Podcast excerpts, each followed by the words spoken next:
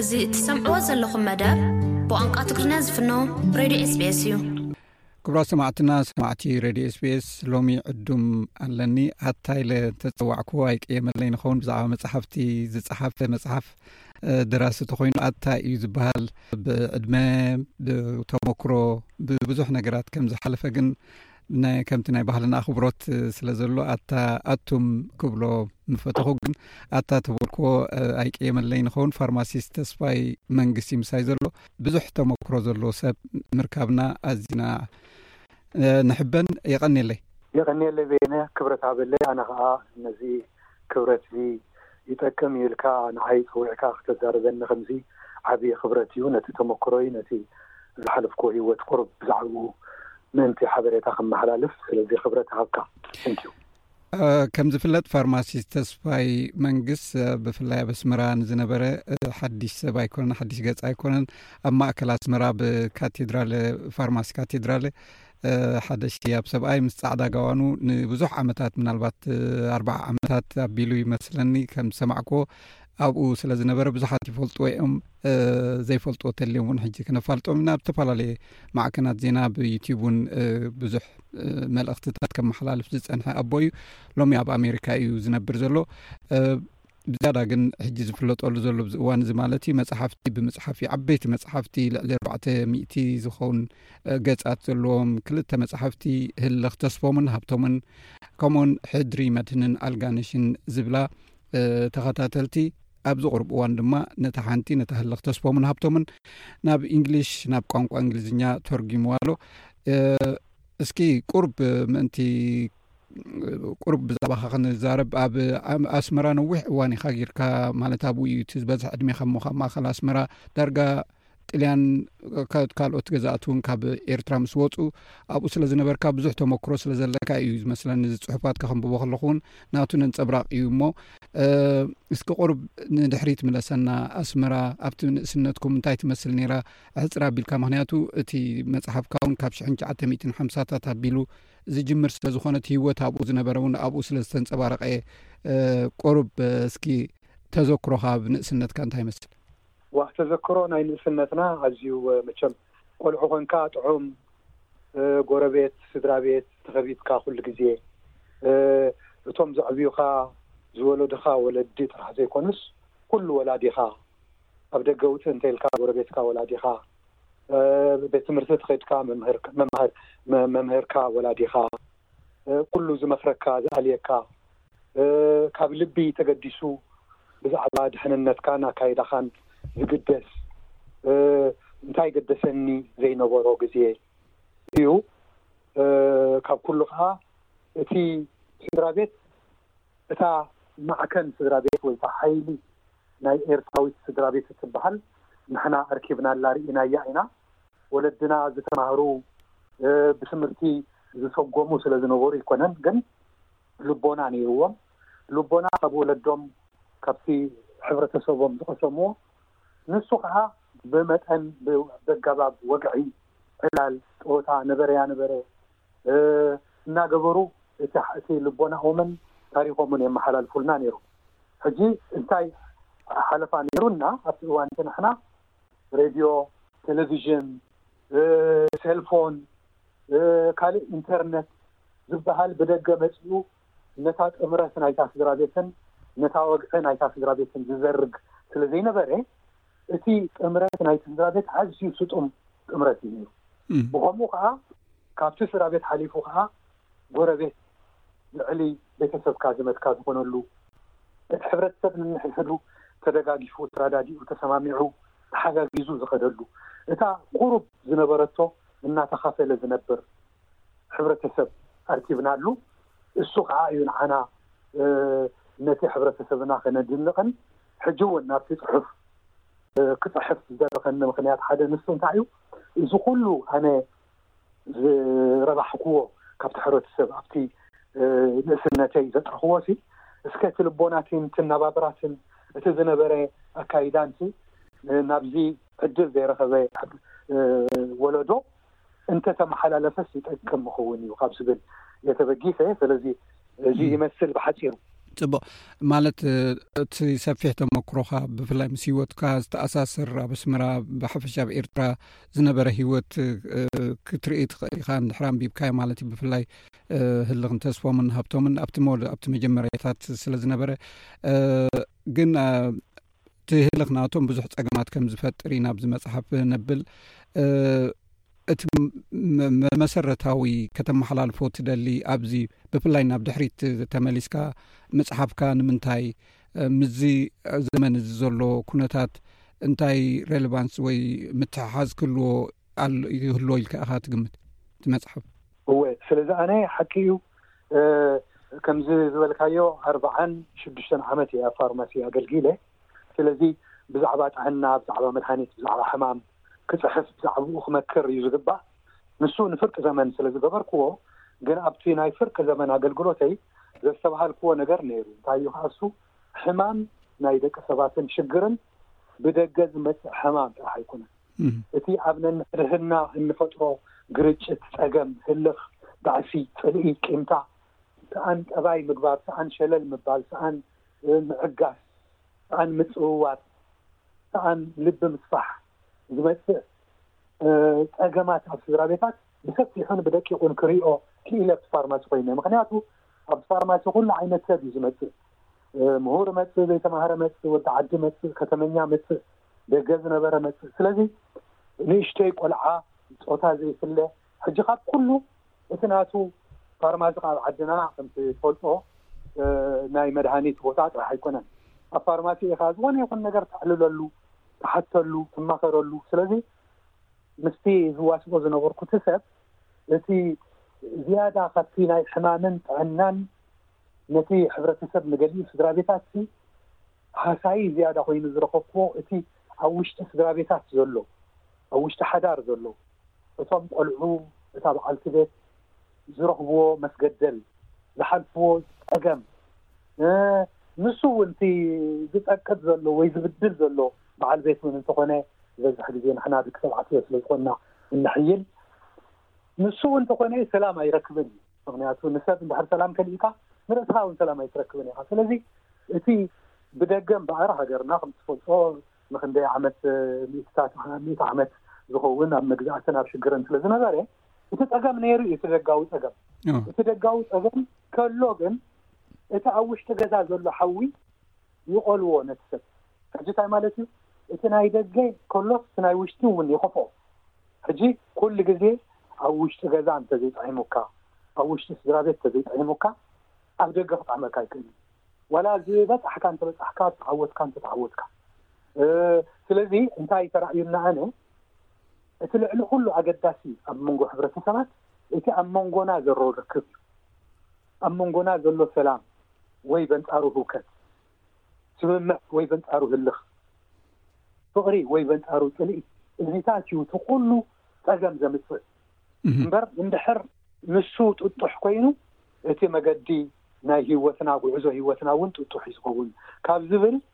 ንዕኡ ምእንቲ ክገልጽ ነቲ ዝረኸብክዎ ልቦና ካብቲ ሕብረተሰብ ብመንገዲ ልብወለድ ገይረ እንተገለፅክዎ ዝያዳ መሳጢ ክኸውን ይኽእል እዩ ኢለ ልብወለድ ንዑ ፈጢረ ማለት እዩ። ብጣዕሚ ዘገርም እዩ ምክንያቱ እቲ ተመክሮ ናይ ኣቦታትና እቲ ዝነበረ ያታ ከመይ ይመስል ነዚ ወለዶ እዚ ምምሕልላፍ ዓብይ ተልእኾ ዘለዎ መፅሓፍ ኮይኑ እዩ ረኪበ እቲ መፅሓፍትኻ ብቋንቋ ብላዛ ዋላ እቲ ሽማት ንርእሲኡ ዋላ ተስፎምን ሃብቶም እንቶም ቀንዲ ባህርያት እንድሕር ወሲድናዮም እቲ ዝነበረ ኣሽማት እንታይ ይመስል እውን ከርእየና ይኽእል ስለዚ እቲ ትሕዝቶ ናይቲ መፅሓፍ ናብኡ እንድሕር ኣቲና ክብርታት ናይቲ ሕብረተሰብ እንታይ ይመስል ህልኽ ባእሲ ምፍሕፋሕ ክመፅእ ከሎ ብኸመይ ነገራት ዝድቅስ እቲ ባህላታት ገለ ኩሉ ኣብ ግምት ኣእቲኻ ነዚ ዘሎ ወለዶ እውን ሓደ ርስቲ ወይ ከዓ ሓደ ሕድሪ እዩ ክብል ይደፍር ምናልባት ኣብዚ እንታይ ርእቶታት እዩ ዝመፀካ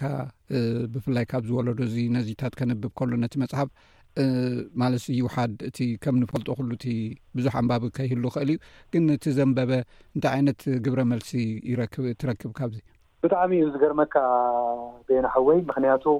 ኣብዚ ህዝብና ብዙሕ ኣየንብብን እዩ ኣብ ካብዚ ኣብ ደገ እኳ ዝረኣኽዎ ኣብ ሃገርና ዘሎ ሰብ ዝያዳ የንብብ ግን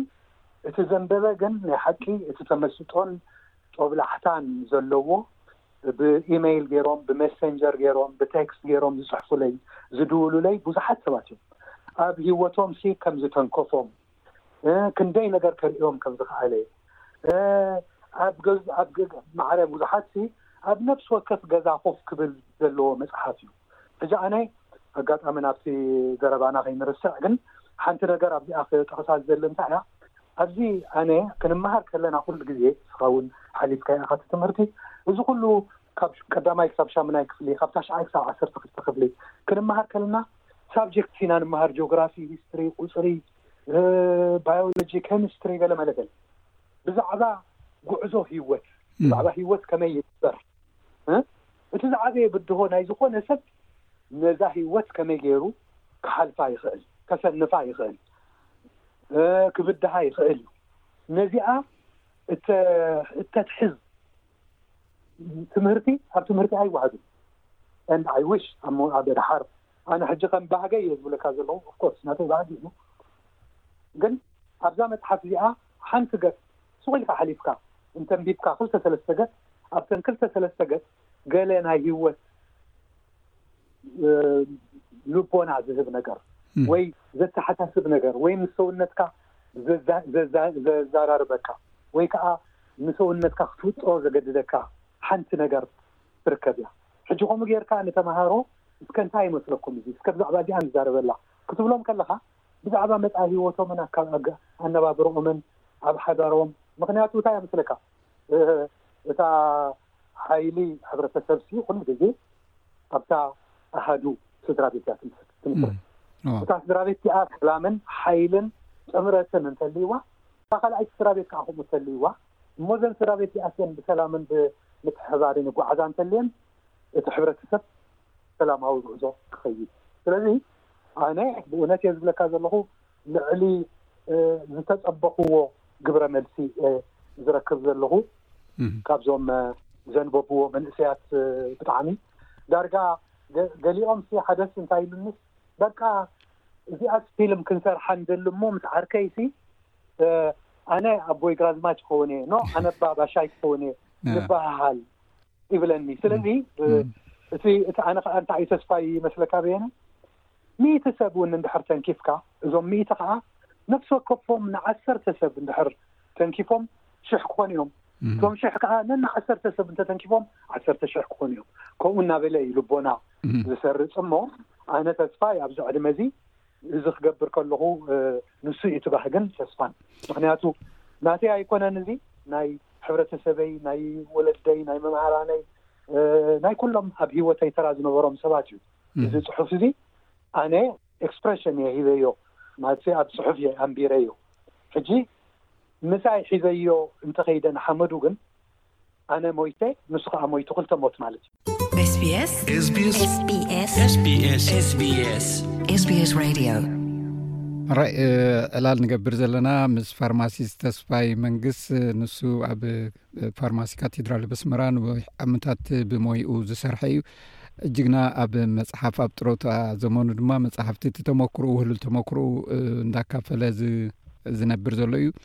ህልኽ ተስፎምን ሃብቶምን እታ ሓንቲ ሕድሪ መድህን ኣልጋነሽን መድህንን ኣልጋነሽን ኣብዚ እውን እቲ ሕድሪ ናይተን ደቂ ኣንስትዮ ማለት እዩ ድሕሪ እትዮም ናይ ዳርጋ መቐፀልታ እዩ ክበሃል ይከኣል እዩ እቲ መፅሓፍ እሞ ከምኡ እንዳበልካ ክሳብ ኣበይ ካ ክሳብ ሰማንያታት እያ መስለን እታ ካልኣይቲ መፅሓፍካ ትኸይድ ስለዚ እቲ ካብ ወለዶ ናብ ወለዶ ዘሎ ከነናፃፅር የኽእለና ዲቲ መፃሕፍቲ ማለት ኣብቲ ባህርያት ኣብቲ ውሽጣዊ ኩነታት ናይቲ ሕብረተሰብ እንድዩ ዝድህስስ እቲ መፅሓፍትኻ ከነዋዳድር ንኽእል ዲና ቅድም ዝነበረ ዝሓሸ ሂወት ነይርዎ ዳሕራይ ዝነበረ ዋላ እቲ በተን ስድራ ቤታት ኣ ይገለፅ እምበር ድሕሪኡ እውን ንድሕር ቀፂልካዮ ምናልባት መደብ ተሊካ ማለት እዩ ከምኡ ዓይነት ኣለዎ ዲቲ ትሕዝቶ ከመይ ውን ማለት ንሰማዕቲ ምእንቲ ንፁር ክኸውን እወ እቲ መፅሓፍ ከም ዝበልካዮ እታ ቀዳመይቲ መፅሓፍ ናይ ሰላሳ ዓመት ናይ ታሪኽ ጉዕዞ ናይ ክልተ ዓበይቲ ስድራቤታት እዩ። ሕጂ ትሽዓተ ሚእትን ሓምሳን ክልተን ጀሚሩ እታ ሓንቲ ክሳብ ሽሕን ትሽዓተ ሚእትን ሰብዓን ሓደን ትጓዓዝ። እታ ካልኣይቲ መጽሓፍ ከኣ መቐጸልታ እዩ። እቲ ዛንታ ሓደ ዛንታ እዩ። ምእንቲ ንሰብ ከየስቸግሮ እዩ ኣብ ክልተ ተቖሪጹ። ሽዑ ትሽዓተ ሚእትን ሰብዓን ሓደን ክሳብ ሰማንያን ሓደን ከኣ እታ ሓንቲ ንዓሰርተ ሓደ ዓመት ከኣ ትኸይድ ማለት እዩ። ሕጂ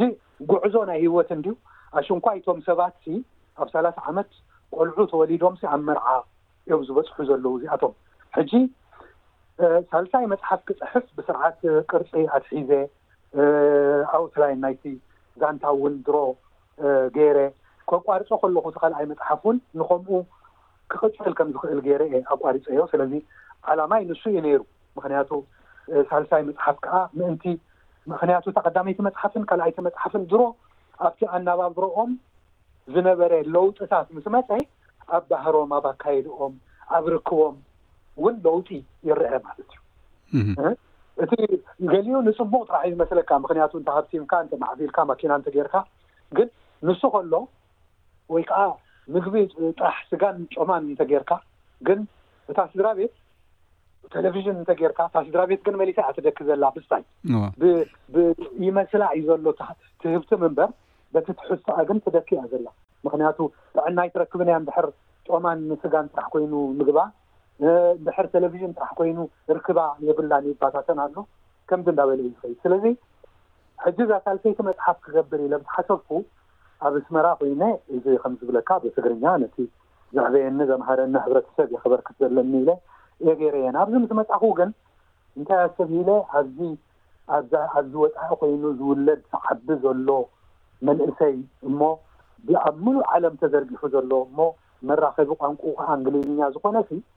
ዋእ ንዕኡ እውን እኮ መተሓሓዚ እንተገዲፈሉ እንተገይረሉ ሲ ዓቢ ስራሕ እዩ ምክንያቱ እዚኣቶም ኣሽሓት ዝኾኑ መንእሰያት ንሓዋሩ ንኤርትራ ኣዝዮም ኣገደስቲ ክፋል ሕብረተሰብ እዮም። ምኽንያቱ ዋላ ዜግነቶም ናይ ካልእ ሃገር ዜጋ ድኣ ይኹኑ እምበር ተዳናግጽነት ምስ ሕብረተሰቦም እንተ ሒዞም ተመሊሶም ናብ ሃገሮም ክገሹ ክዛወሩ ክደልዩ ከለዉ ናብኡ ክኸዱ ሓደ ፍልጠትን ተመክሮን ከመሓላልፉ ወፍሪ ክገብሩ ይኽእሉ እዮም። ከምኡ ገይሮም እዮም እስራኤላውያን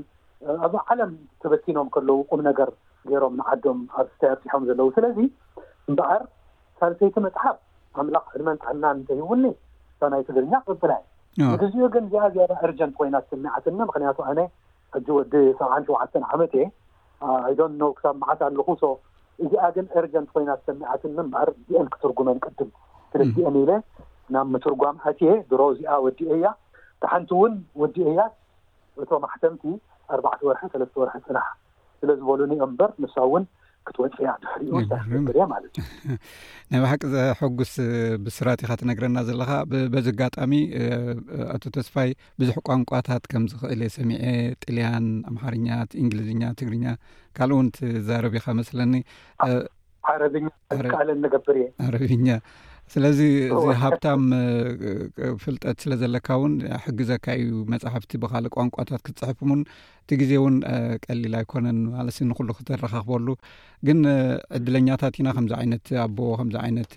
ተመክሮ ዘለዎ ሰብ ንወለዶ ዝኸይድ ነገራት ከመሓላልፍ ከሎ ብጣዕሚ ዘሐጉስ እዩ ሕጂ ኣብዚ ምናልባት ምዚ ናይ ዝወለዶ ክንመፅእ እንታይ እዩ ዘተሓሳስበካ ክትፅሕፍ ከለካ ስኒ ኩሉ ግዜ ትሪኦ ነገር ኣሎ ማለት ነዚ ሕብረተሰብ ወይ ነዚ መንእሰይ እዚ ሲ ብከምዚ ዓይነት እንተዝከይድ ዝበለፀ እዩ ትብሎ ነገራት ክህሉ ግድነት እዩ እሞ ኣብ ውሽጥካ ዝመፀካ ክትፅሕብ ከለካ ሰባት ከምብቦ ከሎ ብፍላይ ናይ ዝወለዶን ዝመፅ ወለዶን እውን እንታይ እንዳሓሰቡ ከምብቦ ኢካ ትፅሕብ እወ ኣነ እንታይ ናተይ ባህሪ ድዩ ዘጥረክዎ ኢንፋክት ናተይ ክብሎ ይክእልን ኣብ ጉዕዞ ማለት እዩ ሳክሳዕ ብመፃሕፍቲ ብምንባብ ሰባት ዝብልዎ ብሂላትን ኣባህላታትን ልቦናታትን እናመዝጎኩ ብምቕማጥ ነዚታት ስታይ ብምግባር ብዙሕ ኣብ ህይወተይ ለውጢ ገይረ ሕጂ እንታይ እዩ ዝረኣየኒ ንዓይ ሰብሲ ክፍጠር ከሎ ብሰላም ተሓጒሱ ቀሲኑ ክነብር እዩ ተፈጢሩ ንሳ እታ ዝዓበየት ንሳ እያ እታ ሓላፍነት ናይ ሰብ ሕጂ እንታይ ማለት እዩ ከምዚ ነብስካ ምፍቃር ማለት ኣይኮነን of course ንሰብ ነብስካ ተፍቂርካ ኢካ ንሰብ እተፍቅር ግን ሓላፍነትካ ጌርካ ትሕጎስ እንተኮንካ ሰብ ስለዝሓገዝካ ደስ ኢሉካ ትሓድር እንተኮንካ ካብ ሽግር ንሰብ ስለዘናገፍካ ደስ ኢሉካ ትሓድር ተሊካ ልቦናካን ኣእምሮካን ቁሱን ስለዝኮነ ብሰላም ኢኻ እትነብር። ሕጂ እንታይ ይረኣየኒ ኣነ ኣብ ኣብ እንዝንግዖ ነገር እቲ ኩሉ እንገብሮ ጉያ ኣብ ሂወትና ንምንታይ ኢና ንጎዪ ዘለና? እንታይ ክንገብር ኢና?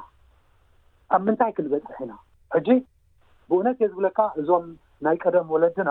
ኣንቢቦም ጽሒፎም ውን ኣይክእሉን እዮም ነይሮም ግን ብልቦና ግን ንዓና ብልጹና ነይሮም ምኽንያቱ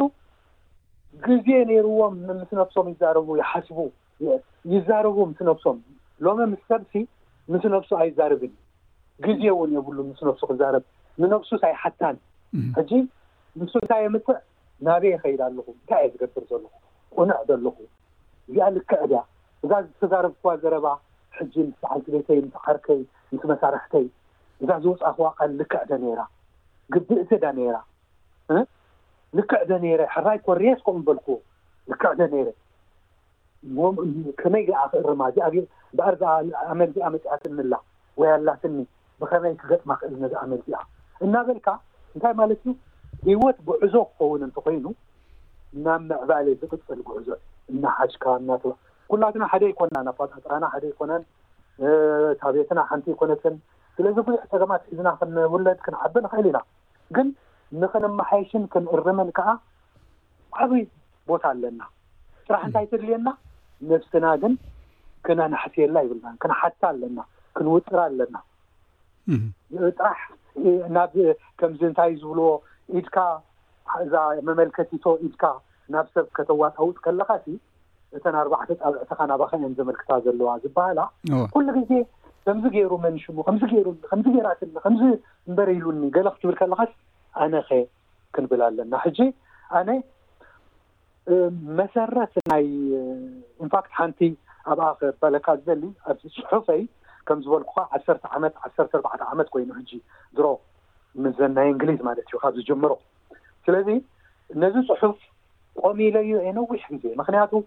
እንታይ ይኣምን ኣነ ምስለካ በየነ ንጹርነት ናይ ኣዘራርባ፣ ንጹርነት ናይ ኣጸሓሕፋ ንሰላምና፣ ንቕሳነትና፣ ንኹሉ ወሳኒ እዩ። ኣብ ኩሉ ኣብ ጸገም እንኣቱ በዘራርባና ኢና። ብፍላይ እዚ ሕጂ ኣብዚ ማሕበራዊ መራኸቢታት ኣቋሪፀካ እምበር ብዙሕ ኢና ንርኢ መንእሰያት ማለት ኣብ ሓንቲ ገዛ ተዓፂኻ ግን ንሙሉእ ዓለም ትፍንዎ ዘለኻ መርዚ ምዃኑ ዘይምስትውዓል ዘይምስትብሃል እውን ትርኢኻ እሞ ነዚ እውን እዚ ትብሎ ዘለካ መልእክቲ ሲ ቀሊል ኣይኮነን ዋላ እቲ ከምቲ ዝበልካዮ ውን ኣብቲ መፅሓፍትካ ውን ተጠንቂቅካ መልእክቲ ዘለዎ ሰባት ክምሃርሉ ከም ዝኽእሉ ጌርካ ኢካ ፅሒፍካዮ ዋላ እቲ ኣቀራርባካ ውን ኣዘይ ፈትዮ ምናልባት ከምዝሪኦ ዘለኹ ውን እቲ ናትካ ሃቀና ፋርማሲስት ኢካ ናይ ሕክምና በዓል ሞያ ኢካ ግን እቲ ብዓቲ ክዓ እንተወይ እውን ጠቂስካዮ ነርካ እቲ ዝዓበየ ሕማም እቲ ዝዓበየ ፀገም ናይ ወዲ ሰብ ካብ ውሽጡ ዝመፅእ ፀገም እዩ እሱ ክፍወስ ኣለዎ ናብ ዝብል ኢካ ትከይድ ዘለካ ስለዚ ኣብኡ ብዙሕ እንተ ብርሂካለይ እውን ኣይፀልኦን እየ ማለት እዩ ምክንያቱ ሰባት ኣብ ጭንቀት ኣብ ሓሳብ ኣብዘይኸውን ነገራት ዝኸዱ ዘለዉ ምናልባት ምስ ውሽጦም ዘይምትዕራቅ እውን ክኸውን ስለ ዝኽእል ነብስኻ ምሕታት እንታይ እዩ ነብስኻ ዓንተ ወይውን ኣልዕል ኣቢልካዮ ነርካ ነብስኻ ስኒ ዘይትዛረባ ትብል ፅቡቕቲ ነጥቢ ኣልዒልካ ነብስኻ ምዝራብ ምስ ነብስኻ ምዕላል እንታይ ማለት እዩ? እወ ሕጂ ቅድሚኣ ሓንቲ ጠቒስካለይ ስለ ዝነበርካ ክዛረበላ ውን እደሊ እዛ ኣብ ማሕበራዊ መራኸቢታት ምፍናው ዝብሃል ሓንቲ ከመይ ዝመሰለት ዘረባ ኣላ ዝኾነ ይኹን ነገር ቅድሚ ምፅሓፍካ ምዝራብካ ምድጋምካ ክንሓተን ዝግበኣና ሕቶታት ኣለዋ። እዛ ሰሚዐያ ዘለኹ ዘረባስ ሓቂ ድያ? ሚእቲ ካብ ሚእቲ ሓቂ ድያ ቅድም ከነረጋግጽ ይግባእ ቅድሚ ምጽሓፍና ምዝራብና ንኻልእ ሰብ ምክፋልና። ሓቂ ድያ እውን እኹል ኣይኮነን። ሓቂ ክኸውን ይኽእል እዩ ግን እቲ ሓቂ ጠቓሚ ድዩ? እንተተዛረብክዎ እንተዘርጋሕክዎ ዶ ጎዳኢ እዩ? ኢልና እውን ክንሓስብ ኣለና። ምኽንያቱ ከም ኣብነት ሓንቲ ሓደ ስድራቤት ኣለዎ ሓሙሽተ ቆልዑ ዘለውዎም ሓንቲ ሰበይቲ እታ ሰበይቲ ወይ እቲ ሰብኣይ ከም ገለ ሓንቲ መዓልቲ ተጋግዩ እንተ ርኢኻዮ ነዛ ስድራቤት እዚኣ ከምዚ ገይሩ ነይሩ ኢልካ እንተ ነጊርካ እንተ በታተንካያ ሓቂ እዩ እቲ ዝረኸብካዩ እንታይ እንታይ ገይርካ ማለት እዩ ቁምነገር ገይርካ ኣይገበርካን ስለዚ እንታይ ማለት እዩ ሓቅነት ጥራሕ ዘይኮነሲ ኣድማዒ ድዩ ጠቓሚ ድዩ፣ ጉድዊል የምፅእ ድዩ፣ ሰላምን ፍቕርን የዕስል ድዩ፣ የብዝሕ ድዩ ኢልካ እውን ክትሓትት ኣለካ ማለት እዩ። ስለዚ ጥራሕ በቢዝነፈሰ ግን እንተኸድና ናይ ሓቂ ይሳል እዩ። ስለዚ ናብታ ሕቶኻ ክምለስ ተዓልየ ፀኒሐ። እወ ደሓን ፀጉም ተተሓሓዘ እዩ። ንዓይ ንዓይ ከም ሂወትሲ ኣቦይ እዩ እዚ ሓሳብ እዚ ንዓይ ኣስሪፁለይ። እዚ ምስ ነብስኻ ምዝራብ ማለት እንታይ ማለት እዩ ሓደ ግራቲቱድ ተመስገን ባህሊ ምኳን ናይ መጀመርያ ናይ መጀመርያ ንዝኾነ ነገር ሲ ካባኻ ዝገድድ ሰብ ካባኻ ዝገደዶ ሰብ ካባኻ ዝያዳ ዝተሸገረ ዘ ሰብ ከም ዘሎ ኣብ ዓለም ክትፈልጥ ኣለካ ኣብ ዝኾነ ኩነታት ማለት እዩ ንሕናስ ክንደይ ኩነታት ኢና ኣሕሊፍና ናይ ውግእ ናይ ማእሰርቲ ናይ መርሰድቲ ክንደይ ኣብቲ ግዜና ናይ ክንደይ ስርዓታት ማለት እዩ ሕጂ ተወንጫፊ ኣብ ኣስመራ እንዳ ወረደ ከሎ ምስ ደቅና ኮፍ ኢልና ኔርና ኣብ ኣስመራ ማለት እዩ ሶ ኢማጅን ኖ ሎሚ ግን ካልእ ከማን ተባሲያጨየ ይብል ስራሕ ሲኢነ ወይ እቲ ዝደለኽዎ ስራሕ ኣይረኸብኩን ኢሉ ኣብ ካልእ ይበጽሕ ሕጂ እንታይ ማለት እዩ ተመስገን እንተኢልካ በታ ዘላትካ ግን ከኣ ተመስገን ኢልካ ኣራጢጥካ ደቅስ ዘይኮነሲ ተመስገን ኢልካ ዝከኣለካ ጸዓር ክተማሓይሽ ነብስኻ ኩነታትካ ማለት እዩ ናይ መጀመርያ ተመስገን ካልኣይ ዝኾነ ይኹን ነገር ክገጥም ከሎ ሕራይ እዚኣ ንዓይ ገጢማትኒ ኣላ እዛ ኩነታት እዚኣ ካብኣ ዝገድድ ክገጥመኒ ምኸኣለ ዶ እንተ ይኽእል ምዃኑ ምስ ፈለጥካ ሽዑ ንዓኣ ተቐበላ መጀመርያ ነታ ኩነታት በጺሓትካ ዘላ ተቐበላ ነዚኣ በጺሓ እያ ፈጫይ ኮይና በጺሓትኒ እያ ስለዚ ክቕበላ ኣለኒ ብኸመይ ከማሓይሻ ክእል ናብ ምባል ትሰግር ሕጂ እዚ ካብ ምንታይ እዩ ዝመጽእ ካብ ምስ ነብስኻ ምዝራብ እዩ ዝመጽእ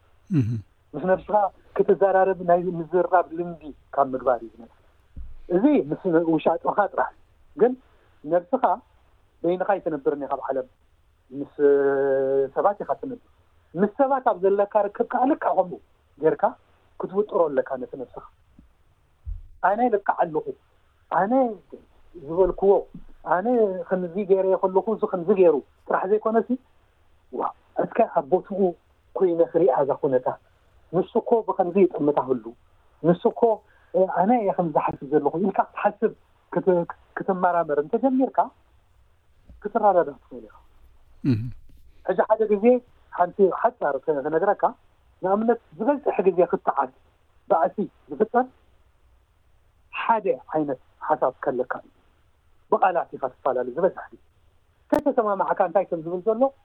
ኣብ ነድርን ኣብ ቆይቁን ኣብ ባእስን ኣብ መተህረራምን እውን ትበጽሕ ገሊኡ ግዜ